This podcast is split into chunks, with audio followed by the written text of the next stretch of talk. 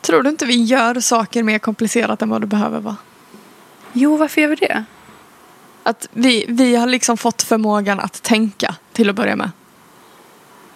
Och bara förmågan av att tänka gör att jag tror väldigt många övertänker. Analyserar, går in i sådana här loopar och sen och är det så lätt att fastna i den här loopen av en viss tanke. Tills någon bara så här ut. Du kan inte vara fast här inne. Ut ur detta. Det är, det, det är en story. Liksom. Och jag har börjat leka med den lite. Jag har lätt fastnat i tankeloopar. Som har skapat känslor. Som eh, har gjort mig jättetung. Men nu, eh, jag har börjat leka lite med, med känslor. För det, det är ju mina tankar som skapar mina känslor i alla fall. Så jag har börjat leka lite med min hjärna. För att om den nu har kraften att bygga upp stories som skapar känslor i mig. Som är ja, men, jobbiga eller glada. Då har ju jag kanske också makten att vända om. Att säga, okej okay, men det här är bara ångest. Jag behöver inte nysta i var det här kommer ifrån. För att det är någon tanke som har byggts upp i mitt huvud. Vad händer om jag ja, men så här, välkomnar det? Säger mm, okej okay, det är här. Mm. Och nu är jag klar. Och släpper iväg det.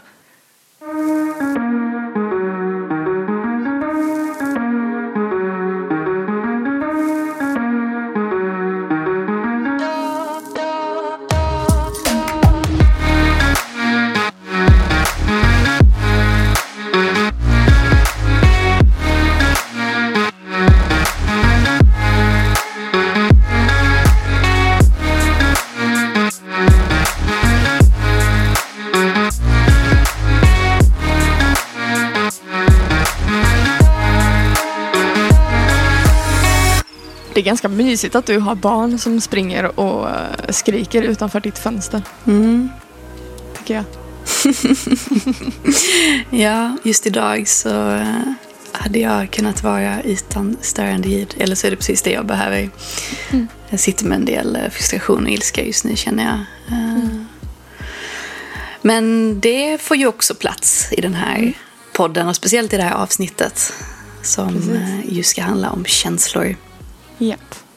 Och det var ju vad nu senaste cirkeln handlade om.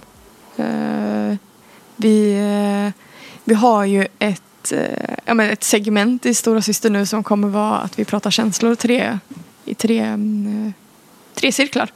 Och nu i torsdags, nu när vi påbörjade vad ska man säga, höstterminen, när vi kör vid 19.30 eh, torsdagar framöver, så påbörjade vi ehm, jag menar, prata känslor, hur de uppstår och ja, vart de kommer ifrån. Mm. Eller vad vi tror de kommer ifrån.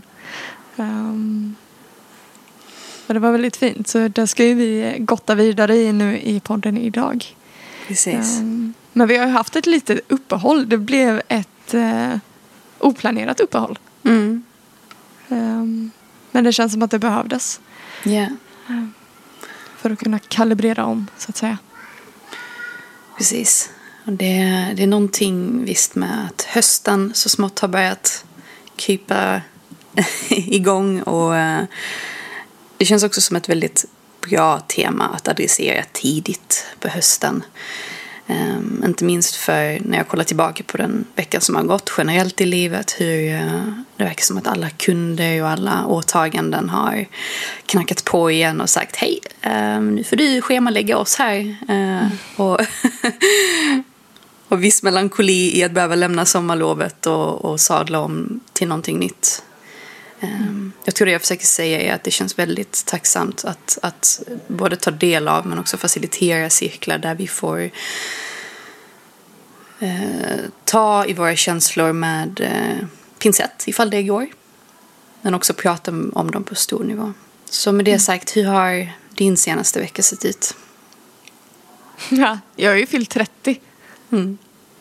Så det, jag, jag lever fortfarande på den. Eh, Den övergången, det kändes tydligt att det var någonting som hände där. Det var någonting som... Ja men det var något skifte och jag kan inte riktigt eh, sätta ord på vad det var. Men... Eh, Ja, i, allt, eh, i all blåsvind så känner jag mig ändå lugn och stabil att jag står med båda fötterna på jorden. Mm. Uh, jag nämnde innan, uh, innan våran oplanerade paus att, ja, men att jag hade det utmanande i min relation med min partner. Och vi är fortfarande där och vi ska flytta ifrån varandra. Vilket känns väldigt utmanande. Men, ehm, och tungt. Men något som behövs och vi vet inte vart det landar. Och jag är förvånad över att jag känner mig så trygg och stark trots att jag är i en så i en situation som för några år sedan skulle kunna fått mig att ligga som en blöt fläck på golvet. Mm. Så jag känner mig ändå stark och det har mycket att göra med vilka jag har runt om mig också. Mm. Ska vi dyka in i första frågan? Jag är väldigt så här, taggad på att bara ge mig in i detta. Låt oss. Mm. Så en övning vi hade i cirkeln i torsdags det var att gå in i vad ska man säga, grupprum eller breakout rooms med frågan hur uppstår mina känslor? Och då bjöd vi in deltagarna till att välja en situation där de nyligen kände väldigt starkt. Eh, eller ett känslomönster som man vet att man har. Mm. Um, vad är din relation till det? Mm. Så när jag kommer tillbaka till ursprungsfrågan eh, var mina känslor kommer ifrån och om jag kan tänka mig in i en situation som jag nyligen varit med om så går tankarna till gårdagen när jag eh, pratade med en eh, ny kompis. Och ja, ni vet eh, hur det är att lära känna en ny människa och först och främst adressera alla uppfattningar och föreställningar vi har om varandra tills vi så att säga kommer över en viss tröskel. Det, var, det är i alla fall min, min erfarenhet i, i hur nya vänskaper och bekantskaper formas. Och jag kände efter mitt samtal med, med den här nya vännen att eh, mitt ego var så fruktansvärt eh, uppblåst. Och jag kände mig lite, uh, jag kände mig uh, jag kände mig på något sätt smutsig och uh, mm, arg på mig själv för att jag tyckte om det. Mm. Uh, så när jag tar tempen på just den interaktionen och vilka känslor det väckte i mig och var tusan de här känslorna kom ifrån så märker jag på mig själv att det är i, i relation till andra. Um, om jag skulle ge mig på att försöka analysera det så tror jag att jag under en så lång tid nu har haft en liten cirkel av vänner som jag har släppt in och, och, och avsatt tid för att umgås med. Och där vet jag lite grann vad jag har människorna. Så att när känslor dyker upp så är det inte... Jag vet inte, jag kan adressera dem på ett lite annat sätt än vad jag kunde i, den här nya, i det här nya mötet. Um, jag har kommit ner på jorden lite grann nu under dagen idag. Men uh, det var verkligen en känslovåg igår som kom utifrån mm. samtalet.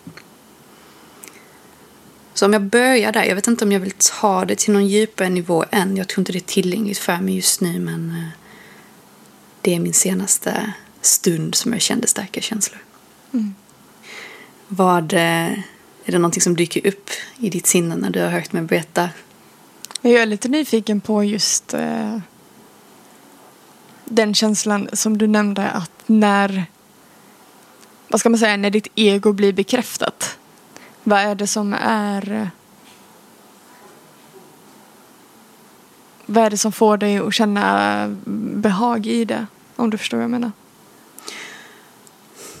Om jag skulle vara helt rå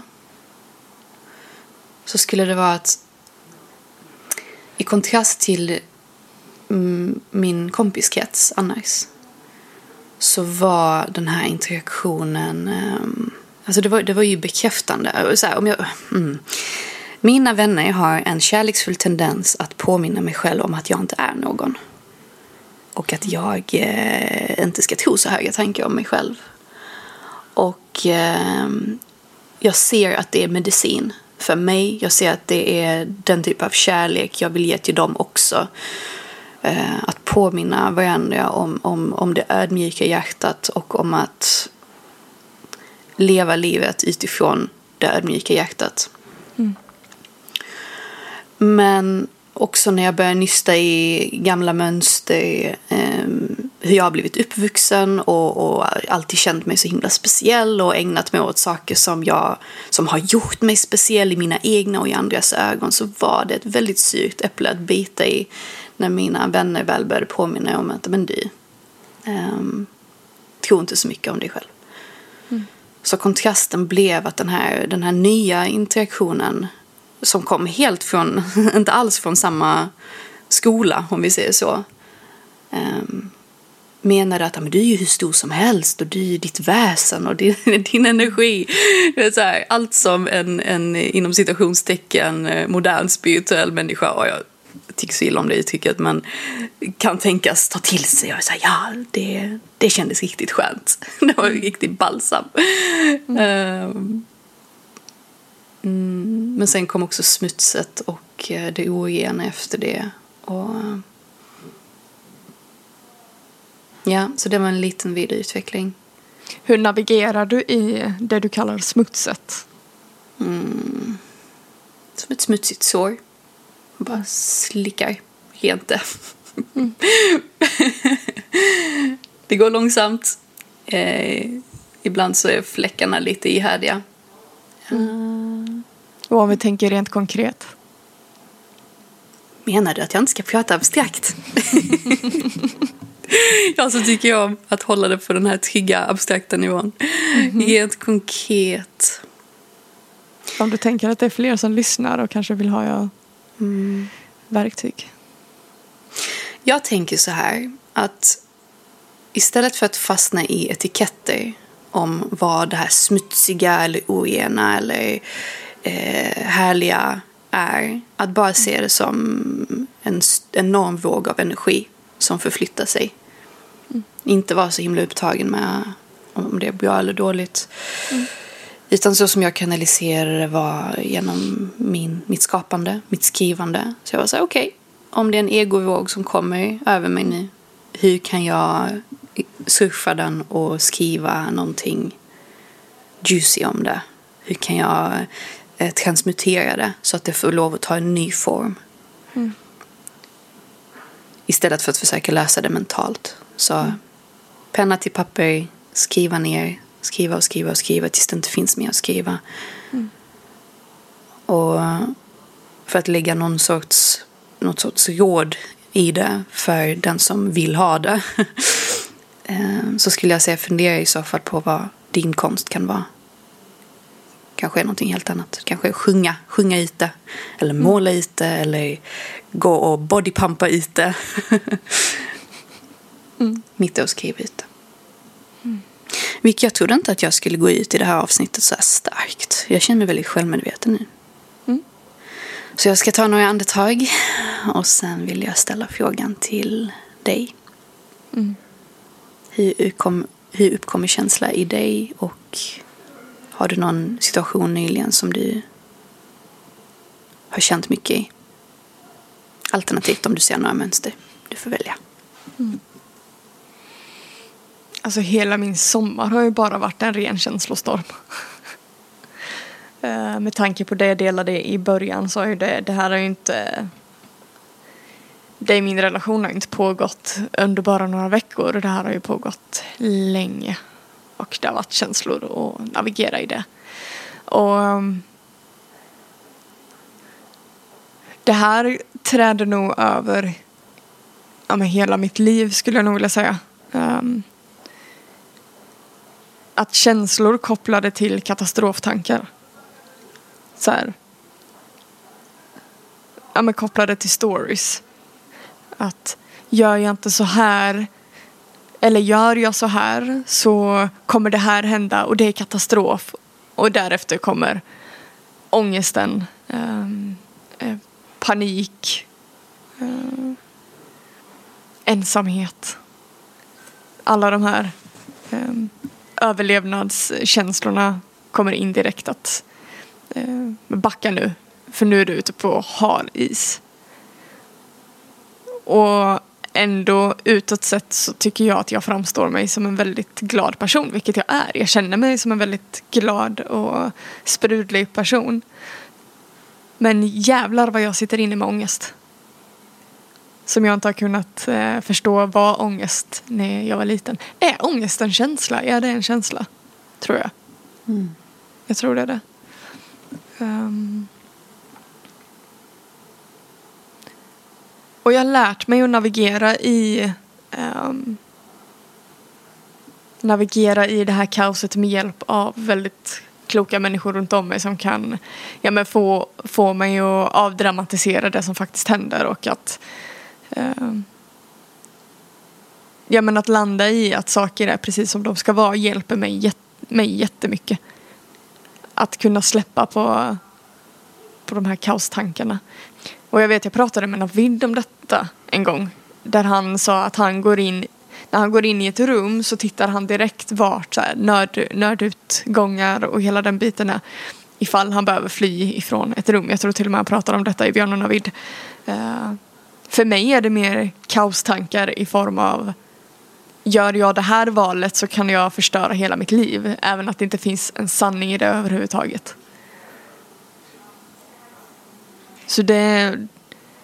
Jag har ganska mycket katastroftankar. Mm. Som ger rädsla och ångest. Jag hatade att vara själv hemma. Jag bodde ute i skogen när jag var liten. Uh, och ibland så åkte mamma och pappa iväg över en helg och då för de tävlade med motorcyklar. Så då, och jag ville inte följa med för jag tyckte inte det var kul. Så då fick jag ju för mig att jag skulle stanna hemma för den här gången så skulle det inte vara så farligt. Um, och då börjar mitt huvud liksom bygga upp att saker låter, att saker händer. Um, så mycket, det är mycket sådana känslor. Um. Mm. Någonting som jag väldigt tydligt kommer ihåg eh, att en av mina lärare delgav under en utbildning när jag var i Indonesien. Eh, det var att särskilja på vad som är på engelska feeling och vad som är sensation. Och, eh, nej, förlåt, nu säger jag fel. Inte sensation, feeling och emotion. Så var det. Vad är skillnad på feeling och emotion? Uh, och då la, de, la hon ut det så fint och sa att emotion, det är feelings in motion. Och då kunde den naturliga frågan därefter vara, ja men vart är det, vart är det den här känslan rör sig, vart är den på väg? Och så sa han, ja men det är ju i kroppen. Mm. Det är it's feeling in motion. Mm. Och jag tycker det är så fint eh, just när det kommer till yogatraditionen att det är så mycket fokus på att stanna med just sensationer, emotioner i kroppen när vi går in i olika yogapositioner, alltså asanas. Men också i dans, i förkroppsligande arbete, att förflytta, mm. att förflytta de här eh, emotionerna. Mm. Jag kan tycka det var skitsvårt. Jag har inte haft lätt att sätta ord på känslor och vad det är för någonting som känns. Utan det är någonting som pågår inom mig och jag kan inte sätta ord på det. Mm. Vilket har gjort att jag har känt mig väldigt eh,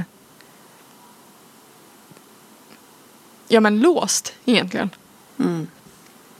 Jag tror också det är jättevanligt. Um, jag tror det är jättevanligt att blanda ihop uh, vad som är vad vad är en tanke, vad är en känsla, vad är en fysisk sensation och att det hela mm. bara eh, och jag känner igen också det här från vår cirkel. Att det var något som var ett gemensamt tema. Att det är som att, det är som att jag blir övertagen av den här vågen. Och det, det är bara att löpa linan ut och sen så eventuellt plocka ihop bitarna efteråt. Men att, eh, mm. att det, enda, det blir en enda röra.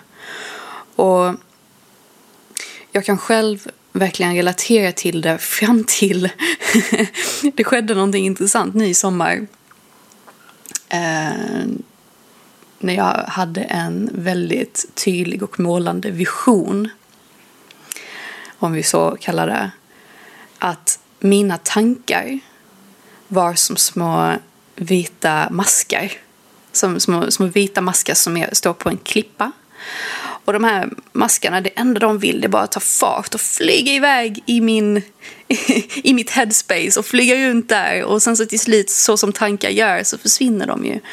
Men det enda jag inte riktigt hade haft koll på sen dess var ju att de här små maskarna, de har ju såna här eh, motorcykelväskor på sig.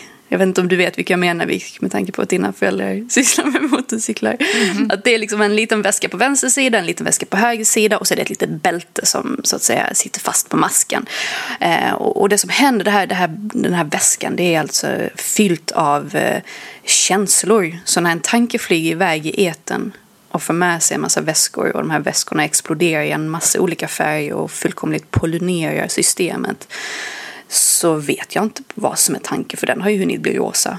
Precis mm. på samma sätt som färgen exploderade. Uh. Och visionen handlade om att jag insåg att mina små tankemaskar kan ju faktiskt bli, de kan banta lite. Och då får de inte med sig sin känsloväska. Fat shaming. Jag skojar bara. uh. Och det var, en, det var, det var ett väldigt, en väldigt viktig stund för mig då jag insåg att mina tankar är ju inte mina känslor. Mm. För tidigare så har mina känslor uppkommit som ett resultat av tankar. Mm. Och så här, herregud, jag kan faktiskt separera dem. Och sen, det är ju det här Tina, min lärare, menar att känslorna, de kan lämnas på klippan, de kan sippra ner i berget och jag kan förflytta det här berget för att jag har min kropp. Och sen så förvandlas det till någonting annat. Helt plötsligt så var det som att tanke, känsla, fysisk sensation blev eh, simplistiskt enkelt. Man säger inte så. Det, det, blev bara väldigt tydligt och enkelt vad det hela handlade om. Mm.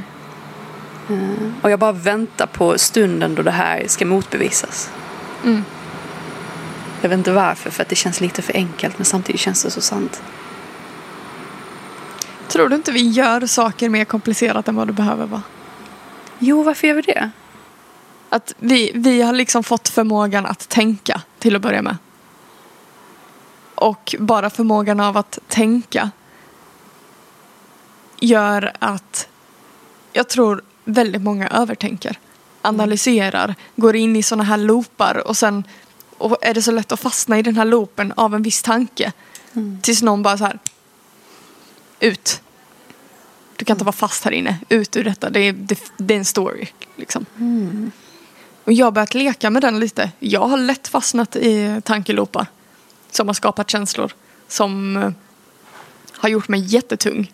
Mm. Men nu, eh, jag har börjat leka lite med, med känslor. För det, det, är ju mina tankar som skapar mina känslor i alla fall. Mm. Så jag har börjat leka lite med min hjärna. För att om den nu har kraften att bygga upp stories som skapar känslor i mig som är ja, men, jobbiga eller glada. Då har ju jag kanske också makten att vända om. Att säga okej okay, men det här är bara ångest. Mm. Jag behöver inte nysta i var det här kommer ifrån. För att det är någon tanke som har byggts upp i mitt huvud. Vad händer om jag ja, men så här, välkomnar det? Säger mm, okej okay, det är här. Mm. Och nu är jag klar. Och släpper mm. iväg det. Mm det funkar inte alltid men ibland har jag fasen lyckats att så här, ja, men nästan spegla mig själv. Mm. uh, att gå utanför mig själv. Med, med, med, med observatören, komma ut med den här 3D-kameran och bara men vad fan håller du på med? Sluta mm. vara så dramatisk. Mm. Um, wow. Den är ganska kul att leka med.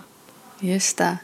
Oh, det får mig att tänka på um, eh, Eh, det finns ju olika meditationsappar eh, och jag kommer ihåg att jag och en vän vi, vi ägnade oss en del åt just en, en app där uppmaningen var att se dig själv som en buddha som sitter vid sidan av eh, vägkanten och ser bilar, bussar, långtradare eh, åka förbi. Och, och då menade man alltså att liknelsen var tankar och även känslor var det som buddhan kunde observera. Mm. Och så lekte vi runt med det, jag och min vän. Och så sa vi, men vad gör vi om, om min inre buddha, som jag då översätter till det här tredje perspektivet, om den dessutom har för vana att så här skratta lite. Så här, ah, nu kommer den långtradaren. Alltså, och inte så att det blir sorgligt utan på ett genuint så här, kärleksfullt mjukt sätt att oj vad fantasin satte igång här och Ja, och, och att, och att det, det finns, du vet man ser ju oftast på buddha-statyer att de är lite sådär eh, tjocka och, och ler ofta. Ibland så skrattar de till och med. Så bara, ja, men ska, ska inte det här tredje seendet vara lite lättsamt? Och självklart mm. när, när det kommer en långtradare av sorg, eh, då vet buddhan det. Det finns mm. ingenting att negligera eller pusha iväg eller skratta åt, utan då, då vilar buddhan i att ja, det är det det är. Mm. Men annars, jag tror det är essensen i att inte ta livet för allt för stort allvar. Mm. Uh, hur jobbig en situationen är. Mm. Lätt att säga när man sitter på en bra plats liksom. Men det. Mm. Jag tänkte på det du sa i början om uh, katastroftänkandet. Mm. Tolkar jag det som att det är uh, en vana eller en så kallad Eh, spiral, loop som du återkommer till? Om jag är på en utmanande plats, ja. Det är lite som den inre kritiken för mig. Uh, så här. Är jag på en utmanande plats så är den väldigt närvarande. Och det är samma sak med katastroftankarna. Jag tror de två är vänner dessutom. De mm. sitter och har kafferep ibland. Um, och jag tror att Nej men precis, när jag är i obalans eller när det är någonting som sviktar åt ett visst håll lite mer så är den väldigt närvarande. Men innan så var den alltid närvarande för jag trodde ju på det. Jag trodde på tankarna, jag trodde på vad min inre kritiker sa.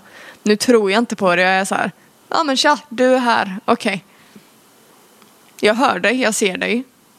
Men, eh, och jag, jag märker att du vill komma med ett budskap men eh, jag tror inte på dig ordagrant. Mm. Och det är samma sak med katastroftankarna. Lite mer klarare tankar kring det istället. Att till exempel tar det slut mellan mig och, mig och Melvin så går inte mitt liv under. Mm. Hade det här varit för några år sedan så hade jag tänkt det. Jag klarar mig inte utan honom. Jag, jag kan inte leva utan honom. Uh, mm. Men idag är det mer så här, okej. Okay. Om det händer, det händer. Det finns en plan. Liksom. Mm att försöka vara mer nykter i tänkandet. Men det, med det sagt så är jag inte alltid det.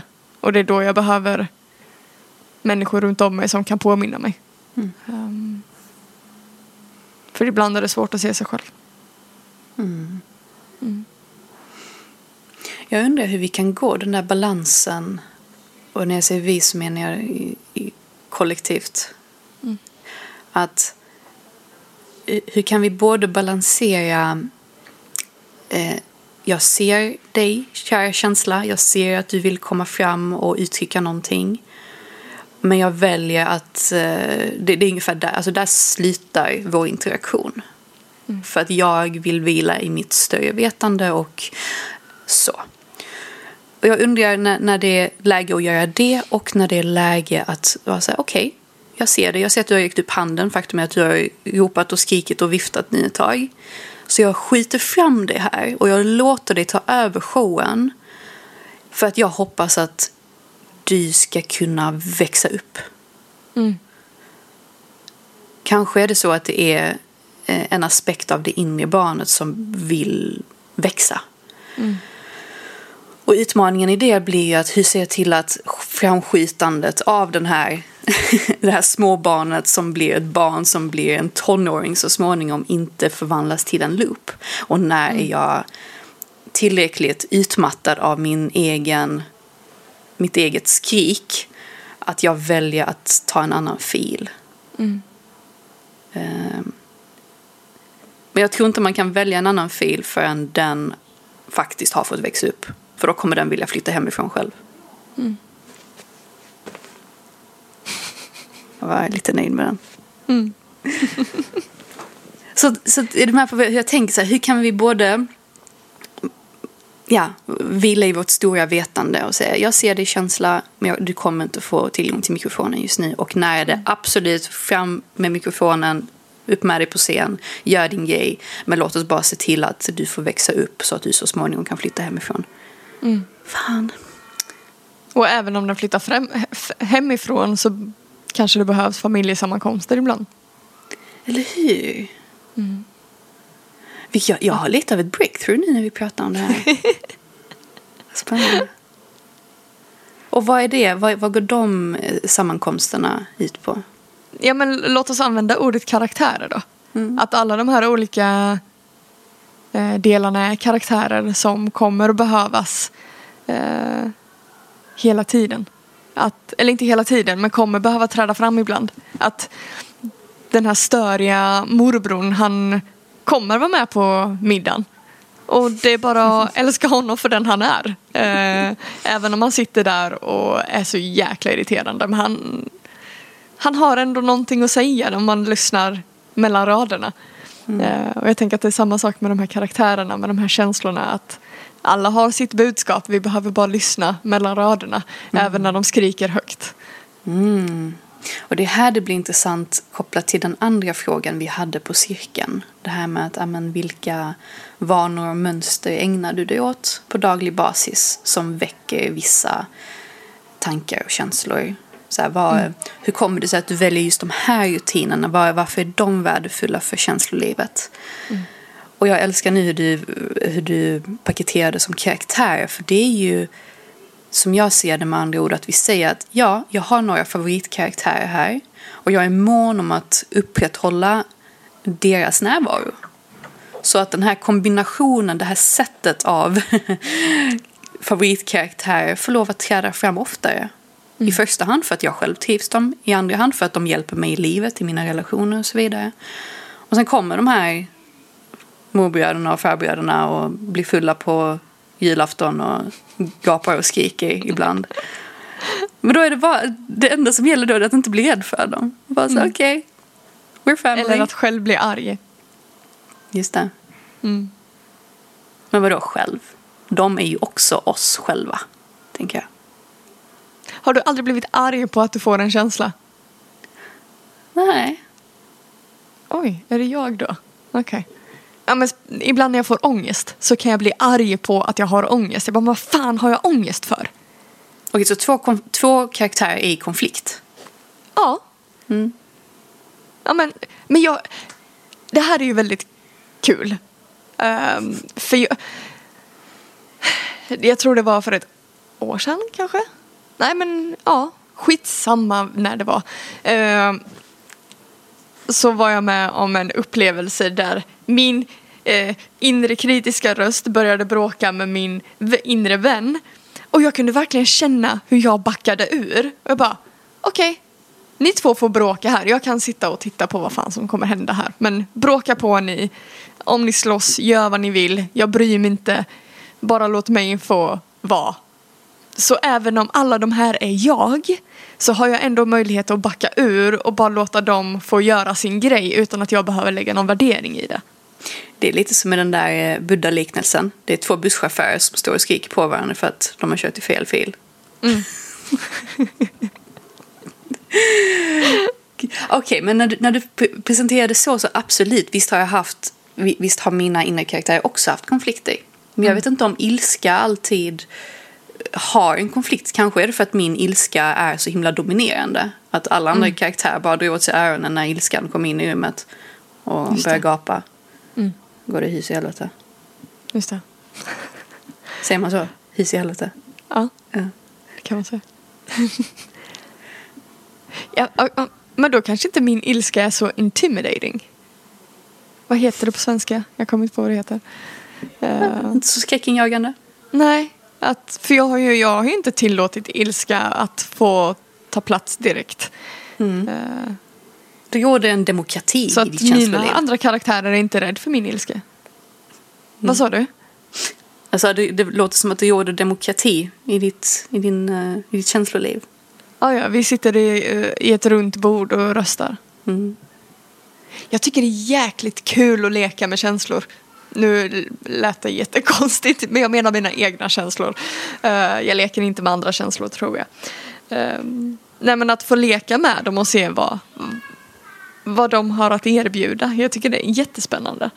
Mm. Och speciellt nu på senare dagar när jag faktiskt kunnat sätta ord på känslor. Kan vara utmanande ibland. För ibland vet jag fasen inte vad jag känner. Men eh, då är det ganska skönt att sätta sig vid runda bordet och ta en diskussion. Mm. Jag tror också det är viktigt att jag vill bara ta tillbaka det till den här idén om att när vi väljer våra vanor, våra arbetsplatser, liksom våra morgonrutiner eh, och, och, och att det i sin tur faciliterar särskilda känslor att ta plats. Jag tror i samma andetag att det är viktigt att de här mindre trevliga karaktärerna, om vi pratar i dualistiska termer, att de på något sätt i det här kungadömet också har en arbetsuppgift. Mm. Så att inte de sitter och trummar med fingrarna och funderar på när tusan är det mitt, eh, min tur. För då kommer, då kommer de att försöka starta en revolution eller bilda en anarki eller liknande. Mm. Så frågan är hur ser vi till att spektrumet av känslor är så brett som möjligt? Så att vi inte lurar oss själva. Alltså jag tror, och nu säger jag tror, eh, men jag tror att många känner, känner alla spektrum. Eller hela spektrat av känslor.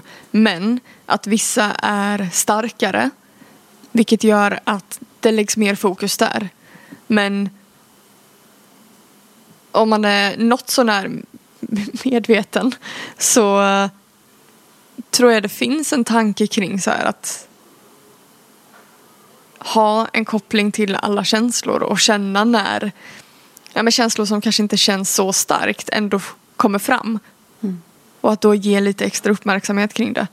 Mm. Um, Ja, för det blir lite skevt upplever jag. Jag kommer ihåg innan cirkeln vi hade så, gjorde, så pratade vi ju lite om undersökningar som hade gjorts och, och, och då framgick det att människans känslospektrum framför allt är fyllt av eh, känslor som inom dualistiska termer skulle kunna klassas som negativa. Eh, Om jag förstår det rätt som en följd av att vi behöver överleva så att allt ifrån att vi känner eh, obehag, äckel gentemot mat som vi inte ska äta till avundsjuka, till eh, ilska, till sorg. Alltså att de här, eh, låt oss säga eh, negativa eh, känslorna är många fler än de positiva, njutningsbara. Och jag vet inte riktigt om jag rent intuitivt känner att det är sant i min individuella upplevelse. Um, kanske är det just för att jag har skevat iväg min livsupplevelse till att röra mig mot njutning, närvaro och då är jag av upplevelsen att mina är hyfsat balanserade men, men jag kan också ha helt fel. Mm. Men jag bara undrar att om det nu ska uppstå någon chans till demokrati um, i kungadömet av känslor och om det nu faktiskt är sant att de flesta människor går runt och har fler negativa känslor än positiva och de här medborgarna behöver också sysselsättas så är det en stor jäkla utmaning. Um, och när jag tänker på Sverige så tänker jag på konflikträdsla och så. Ah, nej, men jag kan, mm, jag kan verkligen se hur det kan mynna ut i en massa olika kulturer och uttryck som människor Mm. har. Jag har inga svar, jag bara, jag bara spånar lite. Jag tror summan av eh, kardemumman i det hela är att vi är så komplexa och enkla samtidigt som individer. Och kanske är det också så det är en viktig del av den evolutionära processen. Att vi har alla de här hemläxorna, de här tunga känslorna som bär en viss låg frekvens i våra kroppar, i hur vi strålar ut i världen. Och kanske är det vår hemuppgift att börja penetrera det här med ljus så att de kan transmuteras och att vi kan förflytta oss allt mer frekvent in i tillstånd där, ja, där, där de här frekvenserna är mer tillgängliga. Eh, och ju, jag tänker också att ju, ju högre en frekvens är desto lättare varelse blir vi. Eh, hur en människa förvandlas till en ängel och så vidare och så vidare. Som Jane, Gene Houston brukar säga, stars be our destination.